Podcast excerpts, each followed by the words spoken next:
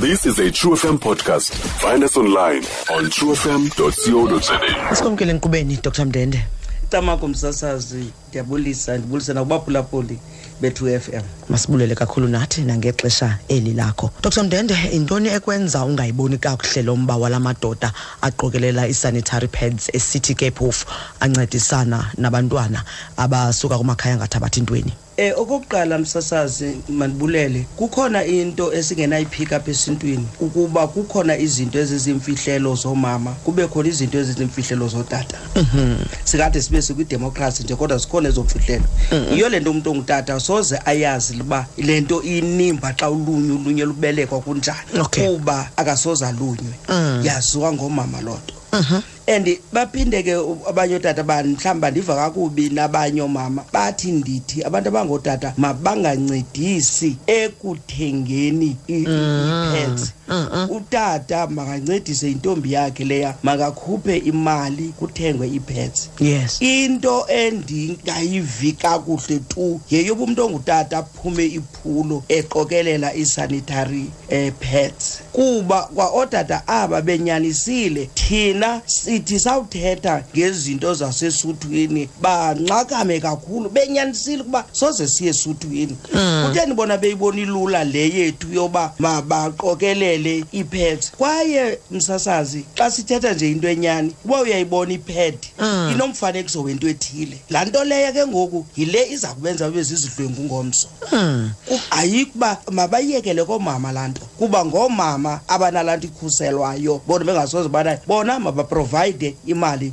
to help okay not uqokelela olright okay doctor uye waqhubeka watsho wathi into yokokubana ke eh, eh, le nto le nto yokuqokelela kwala madoda iyazinyasha inyasha isidima kwakunye neprivacy yamanina ingaba mhlawumbi utsho kanjani yabona okokuqala njena kwaye uba kuthiwe ndisexesheni mm. unomfanekiso utata walo wale wale nto iphumayo uba iphuma phina mm. privacy yam leyo okay okwesibini kwa ipad lena uyayibona inomfanekiso wento ethile mm. utata angenayo yiyo le nto ndithi kunyashwa iprivacy yomntu ongumama mm. yiyo ke ngoku le nto ndithi nathi siyayihlonipha leya yabo asingeze uba ungaze uve kuthiwe umama umndende uthengisa izixhobo zokwalusa mm. ungaze ubone ungatshila izwe kutheni bona beyiboni lula kuba loku ndawube ndivayiletha iprivacy yabo ootata ngoku kutheni bona kulula ukuvayiletha le yethu iprivacy umzekelo masithi ke ngondingutata wena uyintombi yam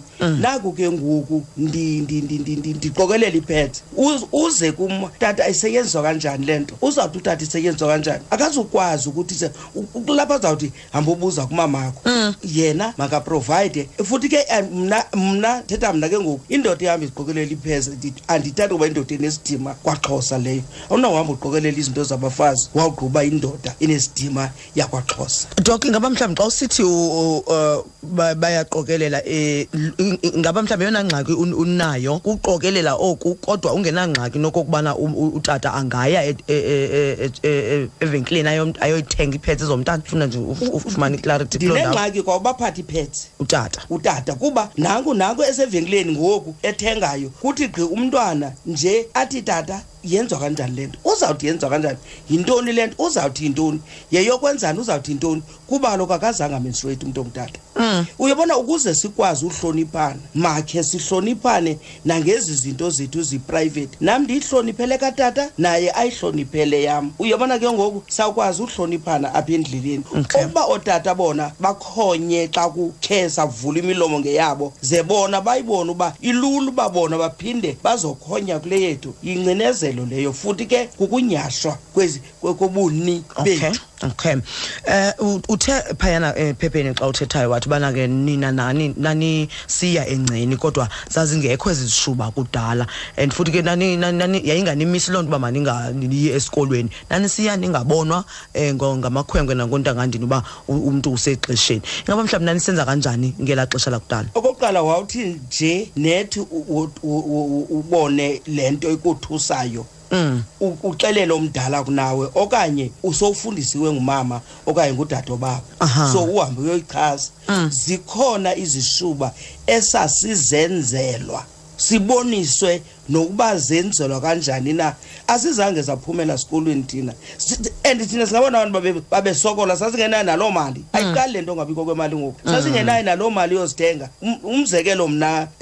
zange ndazithenga mm. ndizozithenga ngoku sendikwazi uba ndibe nemali endizenzela yona zikhona izisuba ebezisenziwa ukwenzela into yoba ndikhusele ukuba ndingabonwa ndingaphumeli izinto zepads zizinto ezifika ngoku nomlungu uzandixelela into yoba babesithini ngaphambili kwaye futhi ootata babengayazi noba usexesheni noba ukho sexesheni babebona nje ngokuba mhlawumbi ndithi xa ndisexesheni ndingangeni kwiindawo ezithile ekuthiwa masingangeni kuzo mm. engazubuza futhi into yoba kutheni uza seyiqonda uba inoba yinto ethile so zange saphumela esikolweni sasisokola ayintshanga into entsokolo iyandothuzela uba abantwana abasokolayo ke ngoku sebathini kulungile xa ukhona into abasokolayo kutheni ungakhuphi imali ahambe unini oyithenga Dr Mbede eh, ngeli xesha siphila kulo amadoda ajongwe kakubi ngoba ngabantu abasoloko bejongwe bayaxhaphaza bayadlwengula benza zonke izinto zimbi eh so mhlamba ucinga uba ootata ngokwenza oku ezinto zifana nokuqokelela ii-sanitary pads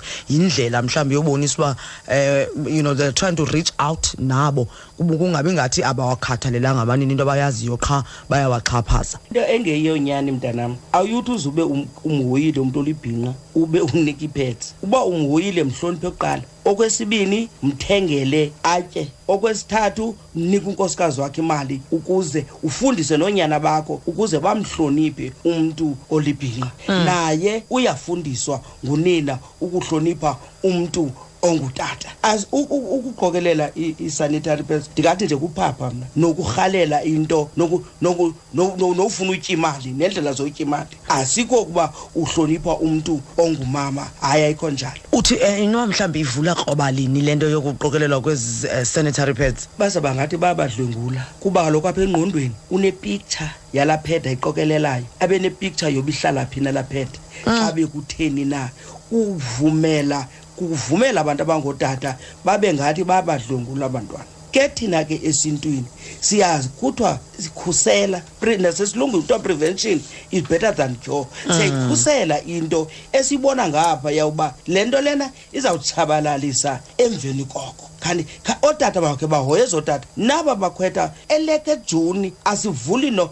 notelevision no, no singabanye ngabanye asimameli nonomatotolo kuba sabe sixelela into yoba abantwana bethu ababhubhileyo ngamashumi amathathu mm. onangodisa ngamashumi amathathu kutheni bangakhe bolungisa phaye bayoleqa into yepheze ye ekungafi mntu kuyo bathi hayi bayasokola mabakhuphe imali bakhe balungisele leyasesuthwini into unqwenela ushiya umyalezo othini ke dr mndende kuwo la madoda enza ezi campaign zokuqokelela i-sanitary pads yazi ndiyabacela abantu abangootata ke bagcine isidima sobutata nathi sigcine isidima sokuba sithi sibanike indawo yabo otata kuba besenza izinto zabo esingasoze sibe nazo thina nabo basinike indima yethu yokwenza izinto zethu ngendlela eyiyo uba babona uba siyasokola intle loo nto leyo mabasponsarishe mm. ii-organizations akhuphe imali okanye uthi inkosikazi nantsi i-five hundred rand khawuthenga ezinto zenu uzise phayi uyabona ke intle loo nto leyo hayi uba ibe nguye phambili izabhida uba ibe nguye phambili abe kunye nabantwana simazi into azayenza emveni koko